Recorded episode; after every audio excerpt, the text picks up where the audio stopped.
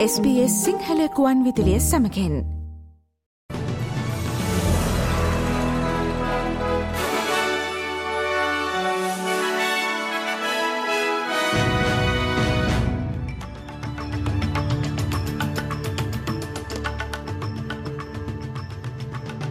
අද පෙබරවාරි දහනමය SBS සිංහල සේවේ ප්‍රෘතිගෙනෙන මම දිනේශ් ලියනගේ. මේ සතියේ බටහිර ඕස්ට්‍රලියාවට බෝට්ටුවකින් හතලියක් පමණ අනවසර සංක්‍රමණයකයින් පැමිණ තිබේ. මෙම පිරිස නවුරුදූපතෙහි පිහිටි අනවසර සංක්‍රමික රැඳවුම් මධ්‍යස්ථානයක් වෙත රැගෙන ගොස් ඇති බව වාර්තාවේ. පාකිස්ානය ඉන්දියාව සහ බංගලදේශය යන රටවලින් පැමිණි සරණාගතයින් මෙම පිරිසට අයත් බව වාර්තාවේ. ඔවුන් රැගත් නවුරු ගුවන් සේවට අයත් ගුවන්යානයක් ඊයේ එනම් පෙබරවාරි දහට අලුයම නවුරු වෙත ළඟවී ඇති බව වාර්තාවේ. දේශසීම ආරක්ෂාව සම්බන්ධයෙන් රජය දුර්වල බවට මෙම පැමිණීම සාක්ෂයක් බව විපක්ෂනායක පීට ඩටන් ප්‍රකාශ කර තිබේ. පීට ඩටන් දේශසීම ආරක්ෂාව දේශපාලනී කරණය කරන බවට අග්‍රාමාත්‍යවරයා මෙහිදී චෝදනා කර තිබේ. මෙම සිද්ධිය ගැන තමා දැඩි කනස්සලට පත් නොවනද මෙම සිද්ධිය හේතුවෙන් කලාපේ ආරක්ෂක තත්වය සම්බන්ධයෙන් පවතින අවධානම පෙන්නුම් කරන බව බට රෝස්ට්‍රලයානු අග්‍රාමාතය රෝජකුක් පවසා සිටී. This is fundamentally a matter for the federal government to resolve, uh, but it does emphasise just how exposed our vast northwest coast is.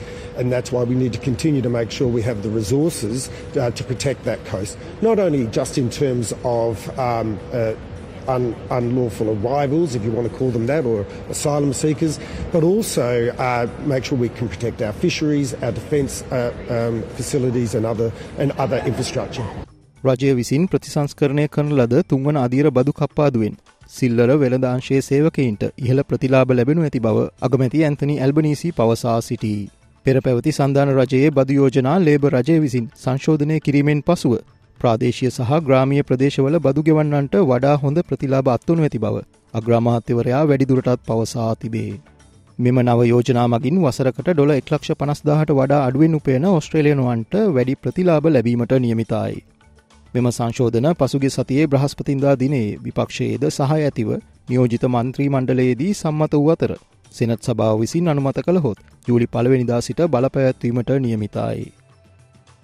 නව මත විමසමකට අනුව ඔස්ට්‍රේලියනුවන් තුංගන අදිරයේ බදුකප්පාදුව සඳහා ඇල්බනිසි රජයේ නව වෙනස්කම්වලට පුළුල් ලෙස සහයෝගය දක්වන බව වාර්තාවුවත් නව ප්‍රතිපත්ති තවමත් ඉහළ සහයෝගයක් ලබා ගැනීමට අපහොසත් වී තිබේ.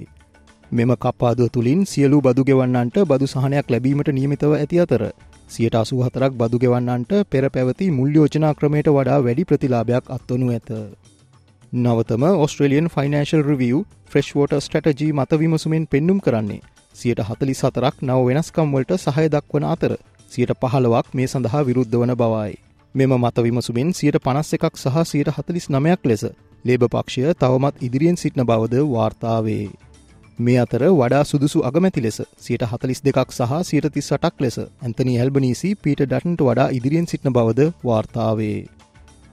වික්ටෝරයානු පාර්ලිමේන්තු මැතිවරණයක් වන ඩංක්ලේ සඳහා වන අතුරු මැතිවරණයේ ලිබරල් පක්ෂ අපේක්ෂකයා ලෙස ෆ්‍රැන්ක්ස්ටන් නගරාධිපති නේතන් කොන්රෝයි නිල වශයෙන් ප්‍රකාශයට පත් කර තිබේ. මාර්තු දෙවනිදා පැවැත්වෙන ඡන්දය ආණ්ඩුවේ ක්‍රියාකාරිත්වය පිළිබඳ ජනමත විචාරණයක් වනු ඇති බව විපක්ෂනායක පීට ඩටන් පවසා සිටී. We're not going to wake up uh, uh, after the by-election and find that there's a change of government in Canberra. But this is an opportunity for Australians to send a message to a bad government. So send Anthony Albanese and Labor a message in this by-election. Send it not just on behalf of your local community, but on behalf of millions of Australians around the country. වර්තමානයේදී කම්කරු පක්ෂය සියට හය දශම තුනක පරතරයකින් මෙම ආසනය තමන් සතු කරගෙන සිටියද මෙම නව අතුරු මැතිවරණය ඉතා උණුසුම් තරගයක් වනු ඇතැයි අපේක්ෂා කරේ. ලාංකිය දේශපාලනය පිළිබඳ තොරතුරු සතියේ ශ්‍රී ලාංකීය දේශපාලනික පුවත් විග්‍රහයෙන් බලාපොරොත්තු වන්න. ඉන්දන හිංගිය සහ ඊශ්‍රයිල ප්‍රහාර හේතුවෙන් ගාසාතීරයේ දෙවන විශාලතම රෝහල සම්පූර්ණයම අත්හරදමා ඇති බව එක්සජාතින්ගේ සෞඛ්‍ය නිලධාරීන් පවසා සිටී. දකුණු පලාතේ නගරයක් වන කාන් යුනුස්හි නාසා රෝහලට විදුලි බලය නොමැති බවත්. තවමත් එහි ප්‍රතිකාර ලබන බොහෝ රෝගීන්ට ප්‍රතිකාර කිරීමට ප්‍රමාණවත් කාර්ය මණ්ඩලයක් නොමැති බවත්. ගාසාතීරයෙහි සෞඛ්‍ය අමාත්‍යංශ ප්‍රකාශකයකු පවසා සිටී. ඊශ්‍රයිල් හමුදා මෙහෙුම් හේතුවෙන් සතියක පමණ කාලයක් රෝහල් සේවා සැපීම ඇනහිට තිබූ ඇති අතර තම කාර්ය මණ්ඩලයට නැවත සේවයට වාර්තා කිරීමට අවස්ථාව ලබා දෙන ලෙස ලෝක සෞඛ්‍ය සංවිධානය ඊශ්‍රයිලයෙන් ඉල්ලා සිටී. ඇෆගනිස්ථානය හා පැවති පළමු විස්සයි විස තරගෙන් ලකුණු හතරක ඉතා තිවුණු ජයක් වාර්තා කිරීමට ශ්‍රී ලංකා කණ්ඩායම පසුගෙදා සමත් වී තිබේ. මෙහිදී පළමුුවෙන් පන්දුවට පහරදුන් ශ්‍රී ලංකා කණ්ඩායම සියලු දෙනා දැවී ලකුණු එකසිය හැටක් වාර්තා කිරීමට සමත් විය.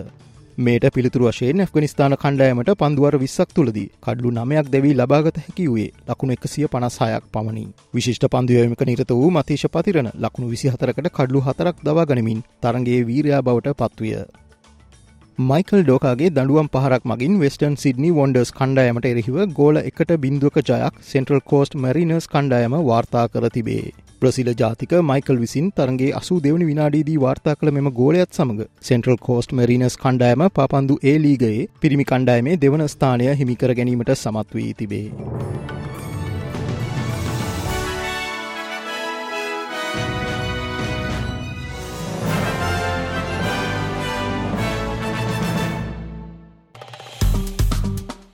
ලයි කරන්න ෂයා කරන්න අදහස් ප්‍රකාශ කරන්න SBS සිංහල ෆස්බුක් පිටුව ෆලෝ කරන්න.